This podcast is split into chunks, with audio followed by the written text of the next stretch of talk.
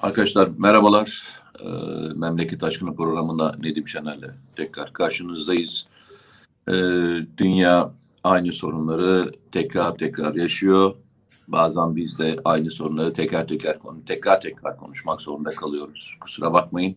Maalesef bir tarafta Suriye'de karşılaşıyoruz aynı sorunla, bir tarafta Irak'ta, bir tarafta Azerbaycan'da, bir tarafta Libya'da, bir tarafta Ukrayna'da. Emperyalizm böyle devam ettiği müddetçe e, farklı versiyonlarını farklı ülkelerde e, farklı isimlerle tartışmaya devam edeceğiz. Maalesef e, herhalde zamanımıza mı denk geldi, böyle bir zamanda mı doğdu bilemiyoruz ama e, bu da bizim herhalde talihsizliğimiz. E, ısrarla ve aynı şekilde bütün konuları teker teker e, yaşamak zorundayız e, farklı versiyonlarıyla. E, Amerikalılar şeyi çok seviyorlar. Tutmuş filmin e, yeni versiyonunu çekmeyi çok seviyorlar. Belki bilirsiniz birçok filmin 1940'lı model şeyine e, 1940'ta çekilmiş olan film vardır. Onun bir 60'larda çekilmişi vardır, 80'lerde, 2000'lerde. Ben aynı filmin 2-3 versiyonunu seyrettiğimi biliyorum. Yani 2-3 tane farklı versiyonunu e, seyrettiğimi biliyorum. Tutmuş filmi devam ettiriyorlar. Şu anda da tutmuş filmleri var. Bunlardan bir tanesi şu anda Ukrayna'da gözümüzün önünde e, gerçekleşiyor. Hani bir tek farklılığı Avrupa e, ilk defa e, Suriye'yi e, kendi versiyonları Suriye'yi ilk defa kendi diplerinde görmüş olmaları. Başka hiçbir farklılık yok. Yoksa yaşananlar baktığınızda Ukrayna'da yaşananlarla Suriye'de yaşananlar arasında çok büyük fark var mı diye sorsanız e, inanın çok da fark olduğunu söyleyemem. Buyurun Nedim Bey, e, bir kısa bir giriş alalım. Oradan sonra da konulara girmeye başlayalım. Valla e, nasıl söyleyeyim? Aslında dedin yani nasıl bir döneme geldik? E, biz böyle geçen gün Kazıman'da söylüyordu ya e, okulda sıra dayağı yiyen nesil olarak e, Hmm. biz e, şeyiz e, tarif edebiliyoruz kendimizi. Şöyle Mete düşünsene soğuk savaş denilen dönemi yaşamış, e, ideolojilerin savaşlarını yaşamış bir kuşak olarak e, bugün tekrar aynı dediğin gibi, senin söylediğin gibi e, aynı filmin yeni versiyonu, yeni kavramlar, yeni yüzlerle çekiliyor olması çok ilginç. Belki o yüzden gelecek günlerde nelerin insanların hayatını etkileyeceğini, e, şöyle söyleyelim. Mesela örneğin çok basit. Filmlerde dahi, filmlerde dahi o hani Arap terörist, Arap terörist figürü yerine artık Rusların yer aldığı, düşman Rusların yer aldığı Amerikan filmleri bolca tekrar çekilecektir. Bir zamanlar öyleydi. Ee, mesela 1980'lerin sonuna doğru işte e, Rocky filmleri, e, bir de neydi Afganistan'da olan e, şey, e, Rocky filmleri boksördü. İşte Ruslarla kapışmaya e, en son biliyorsun orada bitmişti. E, bir de ne vardı? İlk kan, Rambo, Rambo serileri. E, o filmlerde de hep Ruslar kötü işgalci, Amerikalılar hep kurtarıcı falan filan rolünde. Adamlar işlerini bayağı yaptılar. Şimdi de e, bu 2000'li yıllarda hatırlayacaksınız. Hep Araplar, esmer tenliler, sakallılar, e, Müslüman olanlar teröristi Batı'nın gözünde. E, Sen yırtıyorsun biliyor musun Nedim? Hangi konuda? Ya Batıya falan gitsen hani adamlar seni e, yani sakal yok, beyaz tenlisin, saçlar şey, Richard Gere tipli adamsın. Hani ben gitsem e, sakal makal falan e, yani Ama senin de senin de şey e, saçların falan kurtarıyor ya. e, ama e, biliyorsun Formun- şeylerde şey e, Daesh'ler de saçlarını uzatıyorlar biliyorsun. O da doğru. Ya ben Yani yırtamıyorum. Ben yırtamıyorum. E, Yırtamıyoruz. sen e, muhtemelen seni kapıdan alırlar. Ben sana söyleyeyim. yani. Çok zor be. Yani çok zor. Adım çıkmış e, 9'a inmez 8'e benimki. Ya çok Yani- ilginç bir şey yaşamıştım. Kapıda ama şu doğru. Kapıda alırlar yani beni. O doğru. Evet kapıda alırlar. Kesinlikle alırlar. Ee, bu olaylar yaşandığında işte Suriye'den e, insanlar Türkiye'ye doğru sığınmaya başladıkları dönemlerde e, tabii o zamanlar konferanslardaki ana konulardan bir tanesi o yaşanan dramlardı. Hatırlayın o dönem sanırım e, Polonya sınırında yaşandı diye hatırlıyorum ben ama yanlış söylüyorsam lütfen düzelt. O çelme takma olayı Polonya sınırında mı yaşanmıştı? Evet, evet. Yani Çek, bir gazeteci Çek, Çekya, Çekya'da. Çekya'da mı yaşanmıştı? Çekya'da evet. Yani o çelme takıp e, gazetecinin e, kaçan mülteciyi düşürmesi, çocuğuyla beraber yere düşürme sahnesi Evet, evet. orada yaşanmıştı. Ve o dönemde insanlar şey soruyorlardı yani soru şuydu. e, ya Mete Bey hani bu olaylar yaşanıyor Allah göstermesin bizim başımıza gelirse ne olur sorusunu çok soruyorlardı. E, ben de şey diyorum bu sorunun cevabını lütfen siz verin. Yani bana verdirmeyin. Benim cevabım çok belli.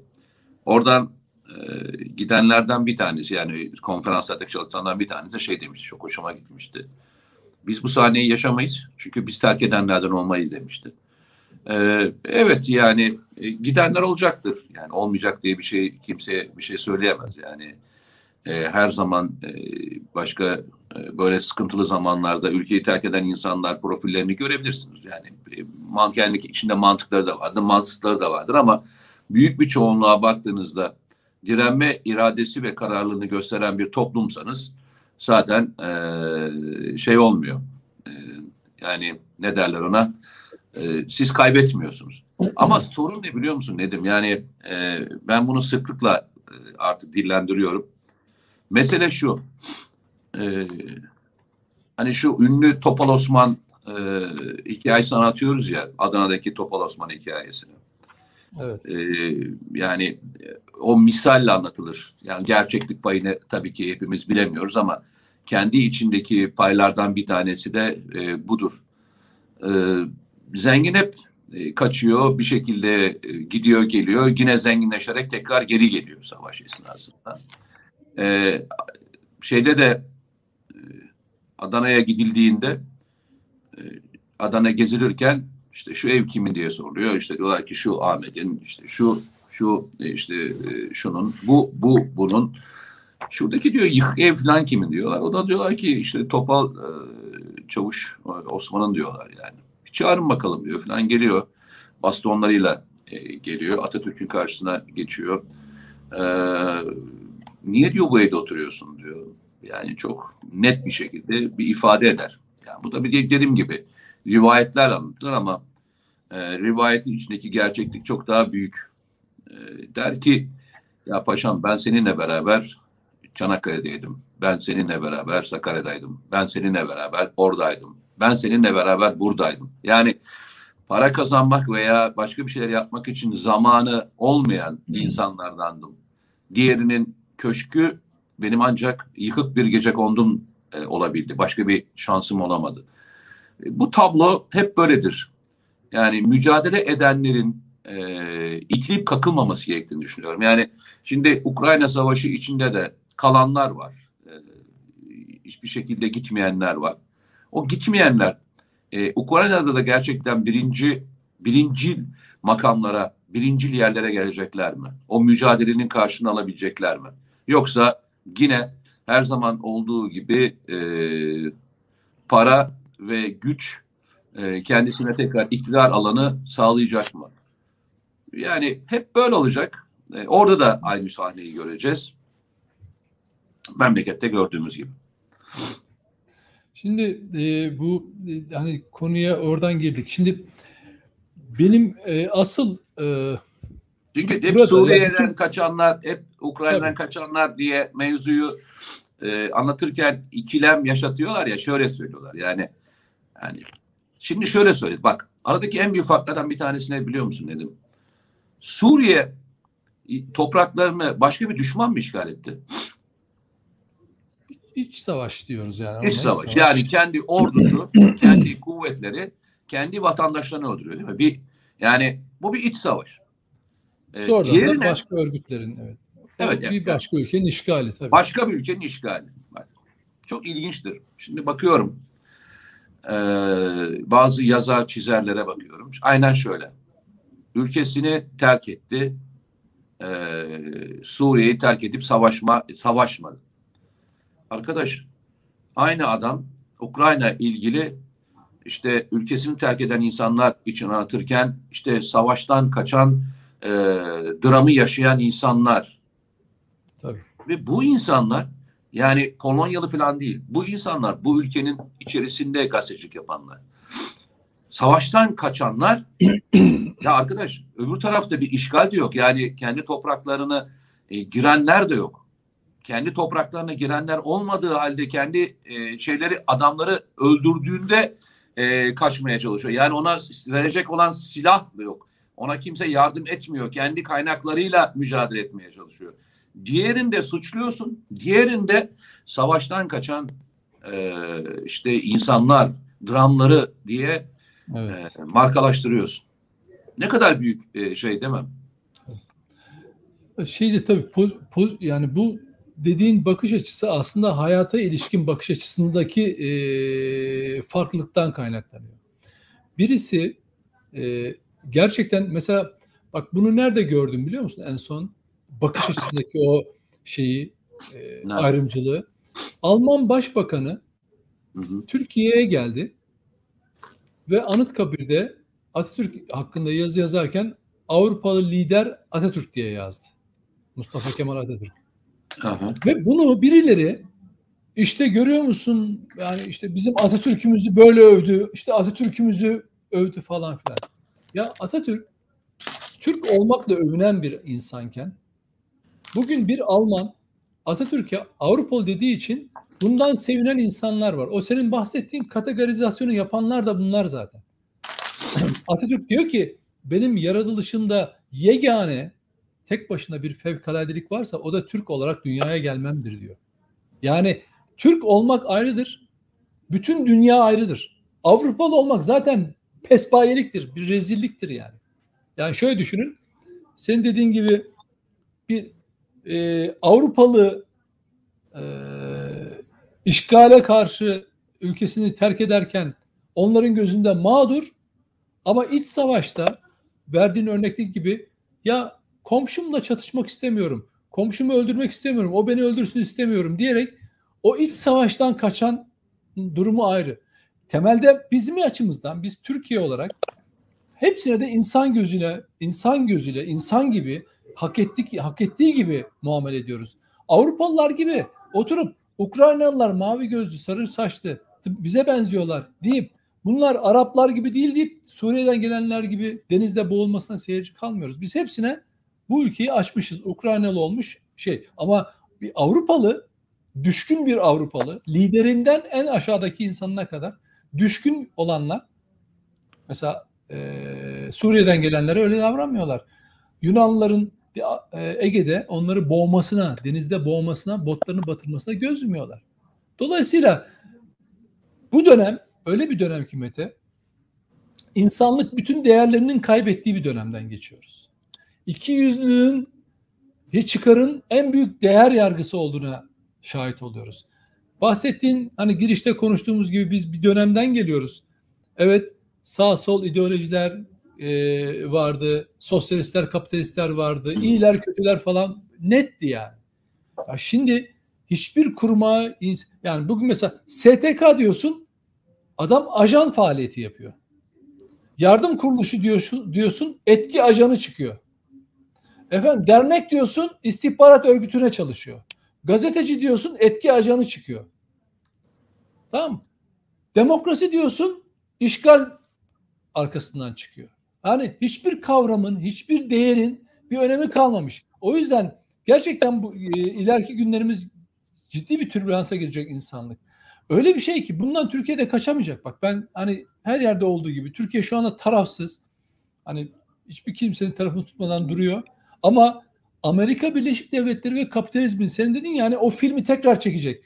Türkiye'yi tekrar soğuk savaş döneminde olduğu gibi e, bir saha, bir alan, bir araç olarak kullanmak isteyen Amerika ve e, Batı Türkiye'yi rahat bırakmayacak. O yüzden Türkiye'de siyaset de buna göre şekillenecek. Bak Türkiye'de siyaset de o yüzden biz daha olayın başında Kemal Kılıçdaroğlu'nun NATO demokrasinin güvencesidir demesine, efendim Meral Akşener'in e, S-4 üzerine niye aldık Rusya ile niye yaptırım uygulamıyoruz havasına girmelerinin nedeni bu. Onlar kanadını bu tarafa seçmişler. Bir de bu ülkenin çıkarlarını düşünenler var. Sadece menfaatlerini, haklarını düşünenler var. Çünkü niye böyle bir duruma geleceğiz? Bak işaret çok açık. Amerikan Ulusal Güvenlik e, yetkilisi Sullivan ne diyor?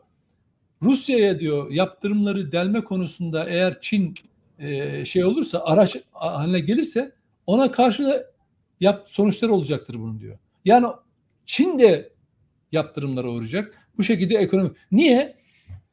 Hiç konvansiyonel savaşa girmesine gerek kalmadı Amerika Birleşik Devletleri'nin. Önce terör örgütleri aracılığıyla veya başka e, grupları başkalarına kırdırarak vekalet savaşları yoluyla bunu yapıyordu. Şimdi daha güçlü bir silah buldu kendince. Yaptırımlar, ekonomik savaş. Şimdi bunu Rusya'da etkili bir şekilde uyguladı ve parası dahil olmak üzere yüzde elli değer şey yüzde elli değer kaybetti. Ee, ekonomik olarak zora sokmaya çalışıyor. Tamam Onu kitlemeye çalışıyor ve diyor ki Çin'e de sana da aynısını yaparım. Niye? Bu iki tane güç yani Rusya ve Çin özellikle Çin Amerika ekonomisi açısından da ciddi bir tehdit, tehdit haline gelmişti. Trump bunu çok sık dile getirirdi. Ve o günlerde de daha önceki Demokrat döneminde, Demokrat Parti döneminde de hedef haline gelmişti. Bunu açık açık yazıyorlardı. E, hedef raporlarında, güvenlik ulusal güvenlik raporlarında Çin'in ciddi bir rakip olduğunu, onunla mücadele edileceğini açık açık söylerlerdi ve o noktaya doğru gidiyoruz.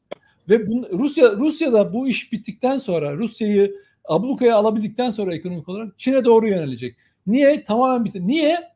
Dünyada Amerika Birleşik Devletleri hegemonyasını tekrar kurmak için. Bunu da ne için yapacak? Mete çok güzel anlattın.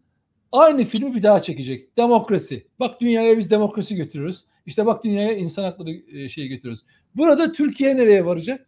Türkiye çok zor bir bu dalgalanmanın içinde. Şimdi düşünsene bütün küresel bir dalgalanma yaşıyor ve Türkiye gemisini hiçbir karaya ta, e, şey yapmadan, bağlamadan kendi e, gücüyle, kendi e, iç gücüyle ayakta durmaya çalışıyor. Ama bırakmayacaklar. Niye? Nasıl bırakmayacaklar? Bir, Türkiye'ye diyecekler ki sen de Rusya'ya yaptırım yapmazsan onun e, onu bir nefes e, almasına yardımcı olursan sen de yaptırıma uğrarsın diyecek. Ve öbür tarafta bir takım siyasetçiler zaten onlar ne derse yapmaya hazır olduğu için biz bu savaşın bir parçası olmaktan maalesef kurtulamayacağız gibi geliyor bana. Evet, çok doğru söylüyorsun. Ee, geçen gün e, bu e, tabii bu yaşanan süreçler bize başka bir şey daha gösterdi e, sevgili Nedim. Sen de sıklıkla e, konuştuğumuz konulardan bir tanesi. Savunma sanayi. Yani e, Zevinski'nin e, açıklamalarına dikkat ettin mi? Çok e, ilginç açıklamalar yapmaya başladı 2-3 günden beri. Bunlardan bir tanesi şuydu. İşte tamam NATO'ya girmeyeceğimizi anlat, anladık. E, tamam hava sahasını da korumayacaksınız. E, işte ama şu silah sistemlerini verin. E, zaten verdiklerinden parasını ödüyoruz. Yani hiç kimse zannetmesin ki şu anda Ukrayna'ya sattıkları silahları bedava falan veriyorlar resmen parasıyla veriyorlar. Hiç öyle şey falan yok. Evet. Onların parasını çatır çatır çatır çatır alıyorlar. Mi? He? Alıyorlar yani parası. Ha, Zeynski söyledi zaten yani. Biz parasıyla alıyoruz dedi. Yani. Kimseler hani ha, bugün parasını ödemiyor. İş bittikten sonra bunların her biri e, kendilerine e, kendilerinin önüne fatura olarak hani yediğiniz yemekler, hurmalar e, hadi bakalım şimdi bir hesap ödeyin diyecekler. bunu bunu söyleyecekler. Bir taraftan e, Rusya'ya ambargo e, ile e, hedefine ulaşıyor. Bir taraftan e, işte Almanya 35 tane F-35 almaya karar vermiş. Yok öbürü 10 tane almaya karar vermiş. Öbürü 100 tane almaya karar vermiş.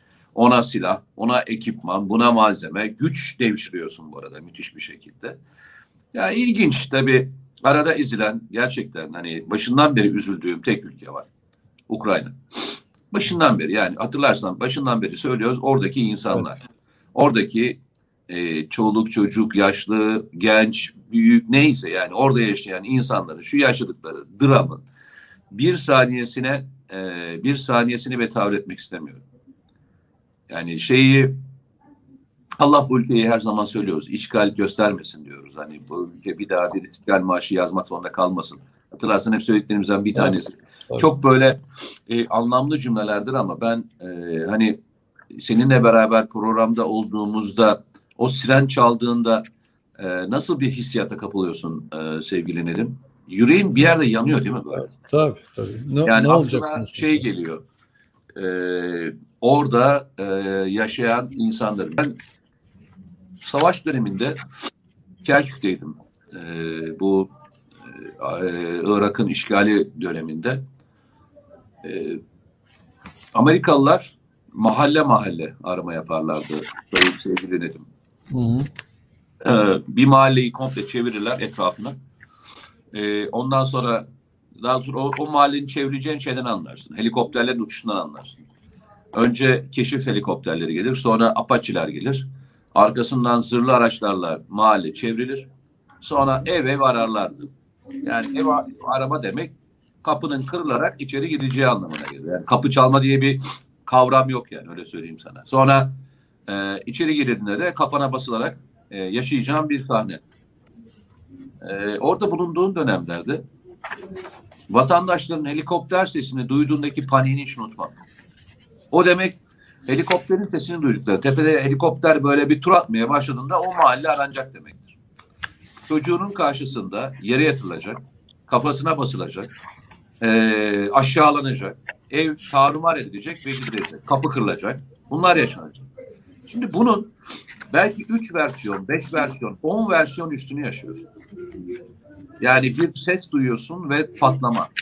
Bir ses duyuyorsun, yıkılan bir yer. E, yani sokağa çıkamıyorsun, yangınlar çıkıyor. E, çocuğun çocuğun sana baba ne olacak diye soru soruyor, cevap veremiyorsun. O akşam yiyecek var mı bilmiyorsun. Ve 21 gündür bu ülkenin insanları, Ukrayna'daki bu insanlar bunu yaşıyor. Yani birçok kişinin bir sürü hesabı var. Bir sürü hesabı var. Ama oradaki o garibanın çocuğun e, gözündeki 21 gün herhalde 21 yıldır yani. 21 yıldır. Onun travmasını hayatı boyunca atlatamayacak o çocuk. Gerçekten söylüyorum atlatamayacak. Evet. Yani ve biz işte yine emperyalizmin o pis yüzünü e, görüyoruz. Ne diyor? Ee, biz Ukrayna için savaşmayacağız. İyi de arkadaş e, savaşmayacaksan niye bu kadar gaz verdin lan? Niye bu adamları bu kadar iteklediniz? Niye evet. bu adamları bu kadar çok bu işin içine e, sevk ettiniz? Baştan beri söyleseydiniz kardeşim. Hiç bak kardeşim bize güvenerek bir şey yapma. Seni ne Avrupa Birliği'ne alacağız, ne seni e, NATO'ya alacağız, ne e, Ukrayna, Kırım'ı bırak, Odessa'yı bırak, ülkenin yarısını da işgal etsinler. Biz sana ancak e, parasıyla silah satarız. Bunun dışında bizden hiçbir şey bekleme e, desene, deselerdi keşke ya. Ve bunu da açık açık çıkıp toplumların karşısına söyleselerdi. Ama öyle anlatmıyorlar biliyor musun? Şu anda bir tarafta Macron, bir tarafta Boris Johnson, bir tarafta Biden kendilerini özgürlük savaşçısı diye nitelendirmeye başladı. Farkında mısın? Evet, şey medya algısı yaratma konusunda üstünlük tabii onların elinde doğru. Yani düşün Boris Johnson e, bundan bu savaş çıkmadan önce istifası istenen yani parlamento evet. tarafından istifası istenen bir adamdı. Evet. Pandemi dönemindeki yaptıklarından dolayı. Macron evet. dibe doğru giden oranları vardı. Biden enflasyonist baskılardan yaptıkları gaflardan dolayı yüzde kırklara kadar düşmüş en düşük başkan adayı, başkandı. Tabii.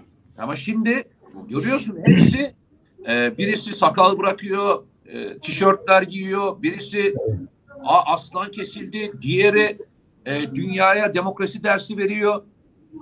Ve bakıyorsun üçünün de şu anda reytingleri yükselmiş durumda. Evet. Ölenler, Ukraynalılar, reyting yükselten, yükseltenler Batılılar. Evet. Nasıl? Müthiş. Para yani kazan, gerçekten. para kazan. Rusya'yı bu hataya sürükle ve bu hataya düşen Rusya yaptıklarının bedelini çok ağır olarak Rus halkı ödesin. Ama kazananlar bu üç ülke olsun. Vay be. Gerçekten bir şey söyleyeyim mi? Evet. Yani en büyük kumarbaz bile bu kadar para kazanamaz biliyor musun? Hani kasa kazanır derler ya. Abi kasa kazanmıyor. Bildiğin malı götürüyorlar. Ben sana söyleyeyim. Sen geçen gün e, televizyon programı sırasında da anlatmıştın. E, TVNet'teki programda. Bize Batı ve medyası, Batı ve medyası neyi anlatıyor?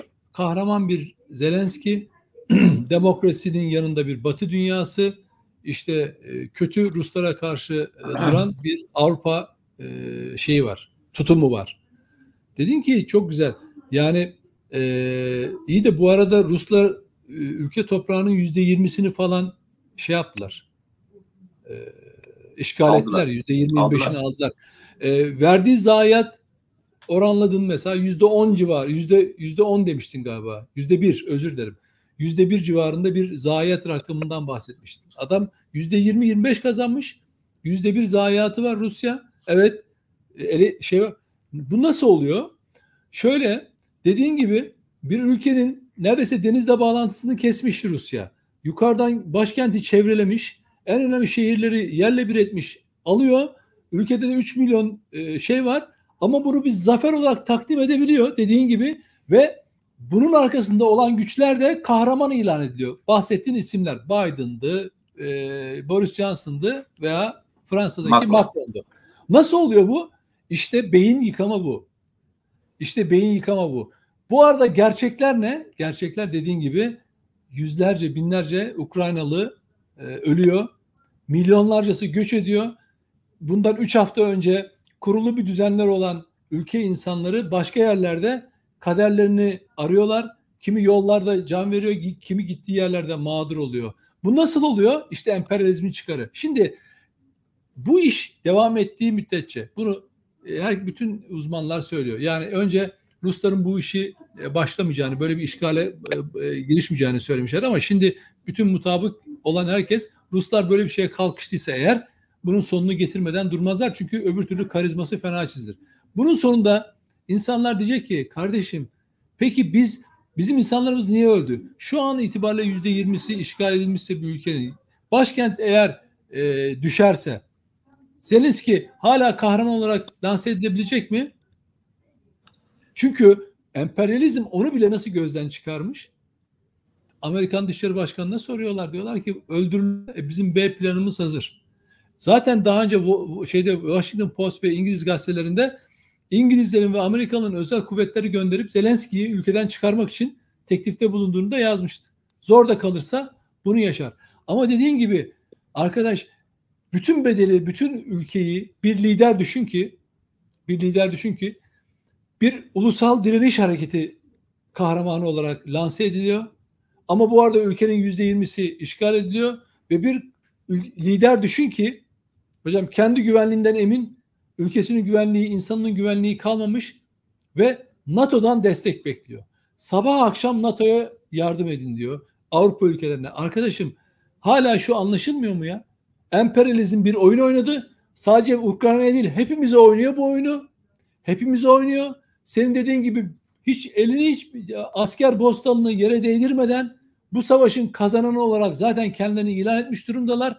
Para onlarda konvertibil euro ve doları dünyanın her yerine enjekte et, etmişler. İstediklerini bunu silah olarak kullanabiliyorlar. Rusya'yı ablukaya alıyorlar. Çin'i hepimizi tehdit edebiliyorlar. Türkiye'ye karşı bunu e, S-400'ler sırasında hatta şey Brunson meselesinde de önümüze koymuşlardı.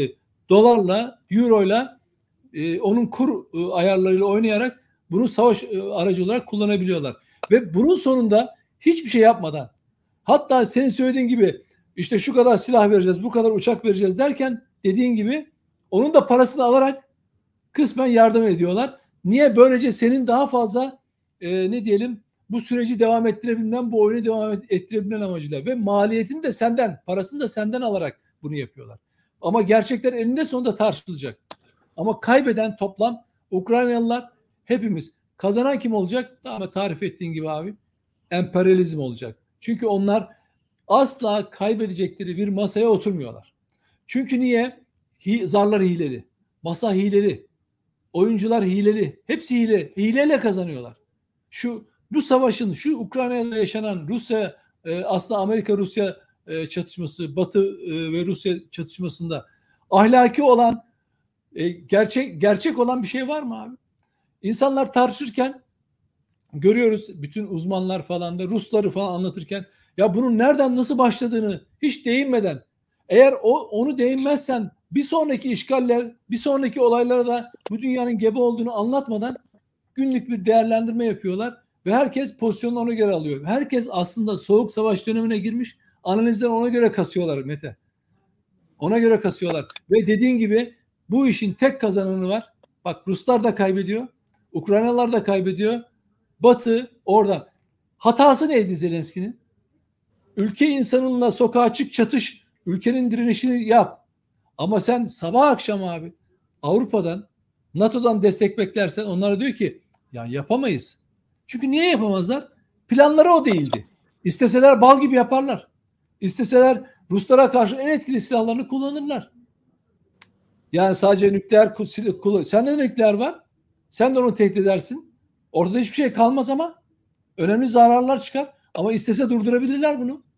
Ama yapmıyorlar. Niye? Çünkü oyun öyle ilerlemiyor. Oyun zamana yayılmış ciddi bir işgal projesi yürüyor. Dünyayı ona göre dizayn ediyorlar. Dediğin gibi sen hani dedin ya e, bir bir oyun var. Dirsekler Ukrayna'ya konmuş bir bilek güreşi yaşanıyor. İşte biz onun e, şeyindeyiz. E, içinde yaşıyoruz abi. Bundan ders hep söyleyelim kendimize nasıl dersler çıkartabiliriz? Kendimize nasıl şeyler çıkartabiliriz? Gördüğünüz gibi arkadaşlar Batı bütün argümanlarını bir savaşta yaptırımlar üzerine kurgulamış durumda. Şu anda Batı bunu e, deniyor. Yani ben hiçbir şey yapmam ama seni dışarıya atarım ve çünkü hatırlarsan dünya global bir köy olurken köy olacak dediğimizde e, o dönemin işte şimdi ulusalcı diye e, yaftalanan insanları ne diyordu? Bakın arkadaşlar diyordu. E, bu işin bir tarafı uzun süre siz kazanır gibi gözükürsünüz. Ama bu girdiğiniz ilişkilerin sonucunda sistem sizin kılcal damarlarınıza girdiği andan itibaren o kan gelmediğinde siz çökersiniz. Şu bankalarınızı e, ağırlığını, bankaların ağırlığını arttırmayın. Yani bankalarınızı şeye satmayın. Hatırlar mısın? E, arkasından e, işte önemli olan kuruluşlarınızı, stratejik kuruluşlarınızı, bu Türk Telekom gibi kuruluşlar öyle söyleyeyim, satmayın. Yani bazı şeyler vardır ki stratejiktir. Savunma sanayi önemlidir. Tarım, toprak, su bunlar önemlidir. Yani bunlar yerine koyabileceğiniz hiçbir şey değil. Bunları lütfen satmayın. Bunların e, önemi e, önümüzdeki dönemde çok net bir şekilde ortaya çıkacak. Çünkü kendine yeterli olduğunda ayakta kalabiliyorsun. Mesela şimdi sana şöyle söyleyeyim. Rusya e, evet başlangıç itibariyle yıpranacak. Başlangıç itibariyle e, bu işten zarar görecek. Ama e, Rusya 12 milyon e, kilometre karelik bir ülke. Bu ülke bu topraklarında ne aç kalır, ne evet. açıkta kalır, ne de sistem çöker. Yani bu ülke eğer doğru kendisini revize ederse, kendisini e, doğru yönlendirebilirse, kendisini normal şartlarda sistemini ayağa kaldırabilecek olan revizyonist çalışmaları yani reformist çalışmalar öyle diyeyim e, yaparsa ayakta kalır. Bizim de çıkartacağımız şeylerden derslerden bir tanesi bu. Geçen gün bu News hani e, Selçuk Bayraktar Kızıl Elma'ya çıktı hatırlarsan. Evet. Onu e, la ilgili bir YouTube çektim. YouTube'da işte şeyi anlattım. Dedim ki arkadaşlar bakmayın yani bunlar çok güzel çalışmalar e, ama yani bu çalışmalar e, muhakkak korunması, e, sürekli hale getirilmesi, ilerletilmesi gereken e, sistemler. Siz bunu e, bir yerde bırakırsanız, bir yere bir yere kadar götürüp orada bırakırsanız, daha sonraki yaşanacak süreçlerde de maalesef e, kötü tablolarla karşılaşırsınız. Yani ondan sonra bazı arkadaşlar şu soruyu sordular. Yani dediler ki abi yani artık bu kadar e, oturmuş bir e, savunma sanayi varken nasıl olur da hani başkası geldiğinde bu savunma sanayine zarar verebilir? Valla veya işte iftira atılırsa biz buna inanır mıyız? ya ben de e, arkadaşlara şey dedim ya arkadaşlar bu memleket başbakanın bir başbakanını e, üniversite öğrencilerine kıyma e, yaparak e, makinalarında öğüttüğünü söyleyip buna inanan bunun için üniversite öğrencileri. Hem de efendim, üniversite öğren hem de buna inananlar üniversite öğrencileri ve bu ülkede aydınım diyen e, okumuş yazmış takımıydı. Tabii tabii yani e, diyorum ya bir üniversite öğrencilerini e, şimdi ondan sonra şey konuşuyoruz mesela ya arkadaşlar diyorum mesela bir şey oluyor Türkiye'de örnek veriyorum. E, birisi bir yalan söylüyor örnek işte Suriye'deki o saldırı sonucunda rakamlar havada uçuşmaya başlamıştı hatırlarsan. 900 Tabii, kişi, tabii. 900 şehit verildi filan. Veya işte bir e, bir tanka saldırı yapılıyor. E, işte adam diyor ki 25 tane şehidimiz var. Ya arkadaş diyorum yani bir tankın içine personel olarak koyabileceğin mevcudun belli. Yani bir tankta nasıl 25 kişi şehit olabilir? Şimdi bunlara inan inanan anormal bir kesim var ve bunların birçoğu da yani iyi niyetli insanlar, şey falan değiller. Yani kötü niyetli falan değiller. Yani ülkeyi sever, kendisini bu ülkeye inanmış insan. Zaten onları manipüle ediyorlar. Diğerleri zaten e, şeyler hani adam potansiyel olarak sevmiyorlar. Asıl oynadıkları e, ve asıl ayağa kaldırmaya çalıştıkları grup o grup. Yani e, bu ülkeyle ilgili kaygılar olan insanlara doğru oynamaya çalışıyorlar. Arkasından bir örnek daha verdim. Dedim ki arkadaşlar düşünsenize dedim bir ülkenin e, Nuri Killigil gibi bir e, şahsiyeti var. Nuri Paşa ki e, hepimizin bildiği Azerbaycan'a değil mi? Tabii, Azerbaycan'a Türk, Türk Ne- İslam e, Kafkas ordusunun şeyi ya. Komutanı Kafkas ya. ordusunun komutanı. Azer, Azerbaycan'a giriyor. Ee, orta e, işte o coğrafyanın kahramanı e, işte daha sonraki dönemde geliyor savunma sanayinde anormal işler yaparak bir şeyler yapmaya çalışıyor. Kaynaklarını kendisine bu ülkeye harcamaya çalışıyor. Müthiş işler ve müthiş sistemler yapıyor.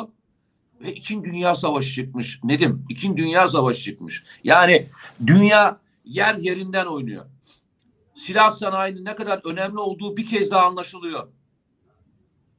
Adamın örselendiği tarih, e, itelendiği tarih ne zaman biliyor musun? Tam o dönem. Yani bu kadar kahraman, bu kadar konjüktürel olarak önemsi olması gereken ve Türkiye'de tek olan savunma sanayi kuruluşu olması hani onu pamuklara sarıp sarmalaman gereken bir yerde Veci kuşları işte ne diyeyim Nuri Killigilleri sistem dışına itiyorsun. Peki ben sorayım. E, o zamanki insanlar şey miydi? Vatansever değil miydi? O zamanki insanlar bu ülkeyi sevmiyorlar mıydı? O zamanki yaşayan insanlar bu ülkeyle ilgileri kaygıları yok muydu? Hepsinin vardı. Ama bizim kötü huyumuz var. Biz çok çabuk manipülasyona geliyoruz. Biz çabuk çabuk kandırılıyoruz. Bu bu çok net ve bunu bildikleri için de bunu çok güzel başarıyorlar. Önünüzde iki tane örnek. Bir dönemin kahramanı. Mezarı bile hani mezarı diyorum parçaları bile yok. Diğeri de herkesin gözü önünde asıldı. Hadi bana söyleyin. Gerçek Evet. miydi yaşananlar? Evet. Gerçekti. Suçlamalar gerçek miydi? Değildi. Evet. Peki suçlamalar yapanlar bir ceza gördüler mi? Yok. Bununla ilgili bir herhangi bir hesaplaşma oldu mu? Yok. Nuri Killigil o dönemde neden örselendi hiç tartıştık mı? Yok. Geçmişi tartışmıyoruz. Geçmişle ilgili en ufak bir hesabımız yok. Ve şimdi diyoruz ki asla biz bu hataya düşmeyiz. Arkadaşlar düşe düşe gidiyoruz. Merak etmeyin. Düşe düşe. Yaşaya yaşaya gidiyoruz. Şimdi Çok de aynı doğru. şeyi yapıyorlar. Adam sana geliyor. Şimdi de gözünün içine baka baka diyor ki ben ben ulusalcıyım. Ben e, vatansever. Ben milliyetçiyim. Ama ne diyor adam? İlk üç maddeyi değiştiririm diyor. Evet. Değil mi? 1921 Anayasası diyor ya. Ge- Ve rahat- ilginç olan başka bir şey daha söylüyor. diyor. Ve çok da güzel bir şekilde söylüyor. Ne diyor adam? Diyor ki yani Atatürk'le ilgili hani niye Atatürk'ün ismi bir defa geçmiyor dendiğinde adam nasıl ibarede kullanmış? O bir e, zat-ı muhterem var. E, geçin bunları, geçin bunları falan diye şeklinde böyle bir de laf söylemiş. Geçin bunları. Kim Yani o? Atatürk geçilebilecek adam öyle mi? Kim o e, zat-ı muhterem ya? Var ya her türlü şeyde e, çıkıp e, savunma yapan bir avukatımız var ya. Kim o ya? İsmi, gerçekten ismini bilmiyorum. Yani soyadını bilmiyorum. Uzun bir soyadı var. E, Şey, siyasetçi mi milletvekili mi? milletvekili, milletvekili. Ya inan soyadını bilmiyorum. Soyadını bilsem söyleyeceğim. İlginç bir soyadı var. Tamam. E, vallahi bilmiyorum. Yani şey çekindiğimden falan Tamam. değil yani. Hani yok. gazeteler falan yazdığı için. E, Evet. şimdi böyle bir ortamdayız. Ve bu ortamda da hani yok arkadaş biz asla düşmeyeceğiz. Arkadaşlar basit işte ya. Çok özünüz önünde yaşanıyor her şey. Yani benim Düşürürler. üstüne bir şey konuşmama falan gerek yok. Milliyetçiyim diyen, Atatürkçüyüm diyen, Evet. muhafazakarım diyen ve diğerlerinin her birimiz, herkes bu toplumda yaşamadı mı? Tabii. Engin Alan bir dönem Apo'yu getiren en büyük kahraman değil miydi? Tabii. Dört buçuk yatırmadınız mı içeride arkadaşlar? Tabii. Ya etmeyin, eylemeyin. Yani hepimiz hepimizi biliriz. Hepimiz hepimizle e, beraber aynı yerde yaşarız. Hepimiz aynı e, topraklarda besleniyoruz.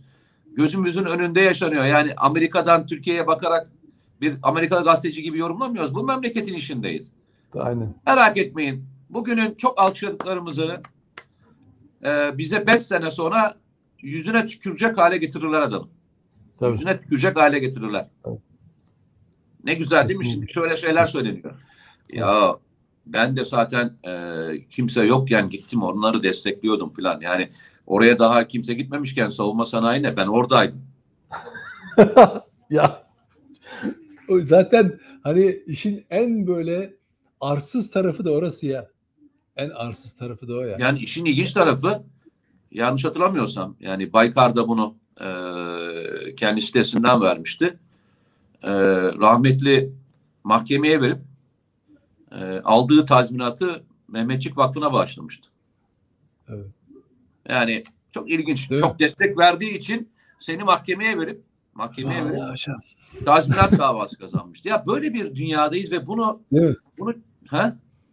Bunu işte dedim ya yani bunu da yiyor insanlar. Bunu da böyle yüzüne karşı söyleyebiliyor ve bu adam bu adam siyaset yapabiliyor. Hala bu ülkeyi yönetmekle ilgili bir iddiayı dile getirebiliyor. Yani dedin ya yani çok güzel ya. Yani yedirirler adama diyorsun ya. Çok güzel.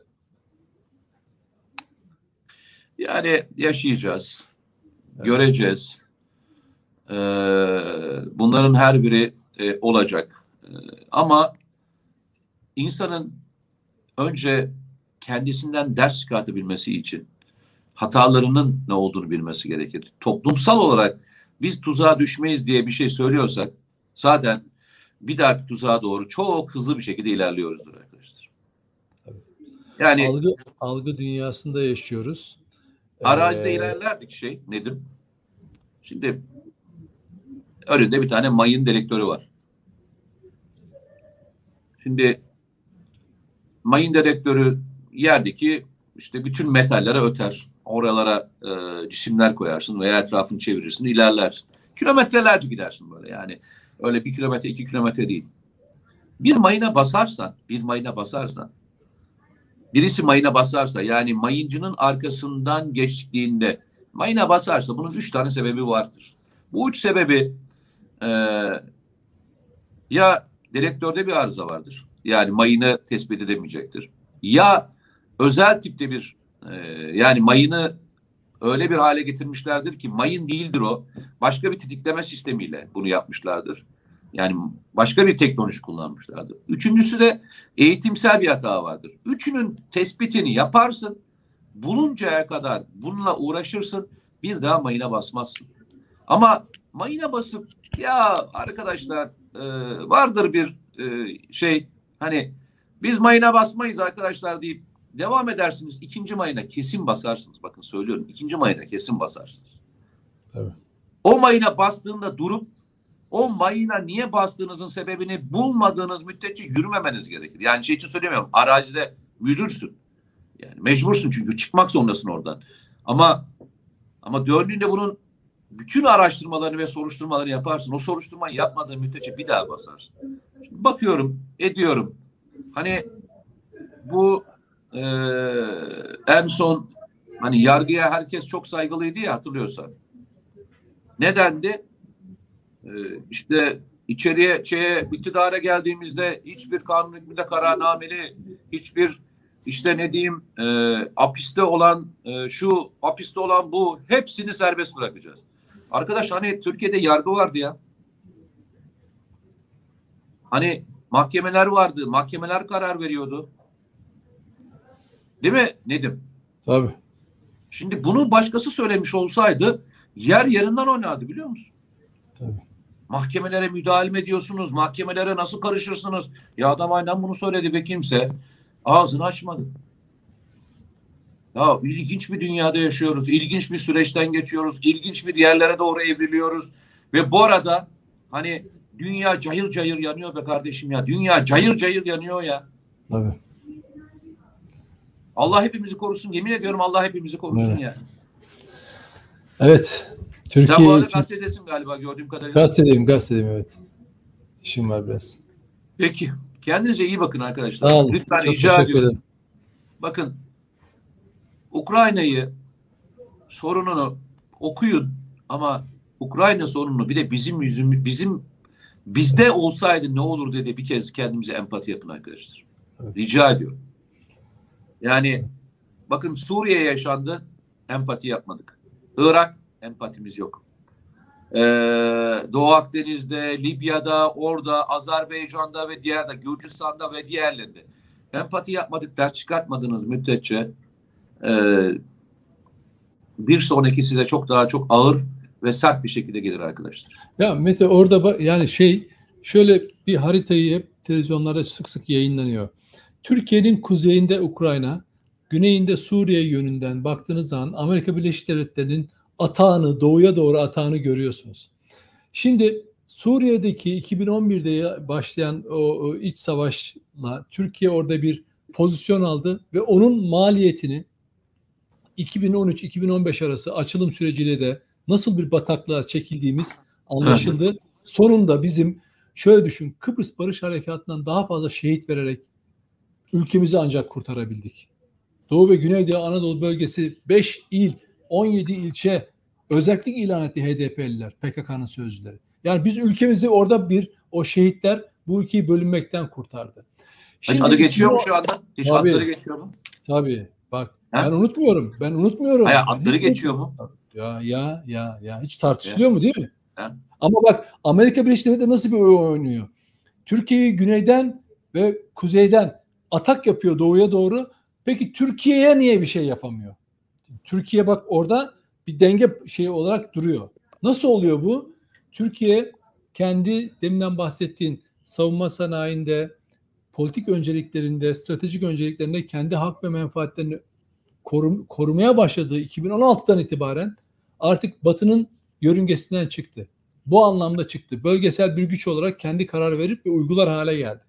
Şimdi bunun nasıl kıymetli olduğunu, böyle bir durumda nasıl bağlantısız ve tarafsız ol- olmanın nasıl menfaat sağladığını Türkiye bir kez daha gördü. Türkiye işte gelecek dönemde bundan bir yıl, bir buçuk, iki yıl içinde şuraya doğru sürüklenecek. Biden'cılarla, küreselcilerle, ulusalcılar arasında bir kavga yaşanacak bu ülkede. Gerçekten Yani Trump'ın. Trump'ın versiyonu Türkiye'de mi yaşanacak? hiç hiç kuşkun olmasın. Onun onun yaptığı bir tahlildi. Öyle oldu. Bak deminden saydın ya Biden, e, Johnson, Macron falan nereye evrildiler? Daha ulusalcı noktaya evrildiler. Bunlar hep küreselci elemanlardı. Çünkü dünyada bir böyle bir kaplaşma ortaya çıktı. Şimdi bizdekiler o yüzden bazıları var. NATO'cular. NATO üyesi olmakla karıştırıyorlar. NATO'cu, kafa NATO'cu. O olmadan, NATO'cular olmadan, Amerika olmadan nefes alamayacak adamlar var. diyor ki yani işte biz diyor küresel sistemden uzak durmamalıyız falan filan. Ya, değerli yalnızlık belki değerli değilmiş. Yok hiç öyle değil. Yalnız olmanın değerini bilirsen o değerli bir yalnızlık olur. O sana bugün bağımsız karar alma süreçlerini de getirir işte. Böyle bugün ancak onu yaşarsın. Şimdi Türkiye Ya e, şey tabii e, Küba olduğunda, Küba yaptığında, Küba lideri yaptığında e, değerli bir yalnızlık o. oluyor değil mi? Tabii. Tabii. O Büyük değerli bir- yalnızlık olur. Onlar Tabii. olur. İdeolojik Tabii. olarak değerli bir yalnızlık olur. Tabii. Ee, üstadım kendinize çok iyi bakın. Ee, Cuma günü e, CNN'de inşallah. Cumartesi günü tekrar e, Memleket Aşkı programında karşımızda olacağız. Sağ olun. Allah'a emanet olun. Bütün ezilenler için yani dini, ırkı, mezhebi ne olursa olsun dua etmeyi unutmayın arkadaşlar. Ee, dualarınız muhakkak karşılığını bulacaktır. Görüşmek üzere. Görüşürüz. Sağ olun.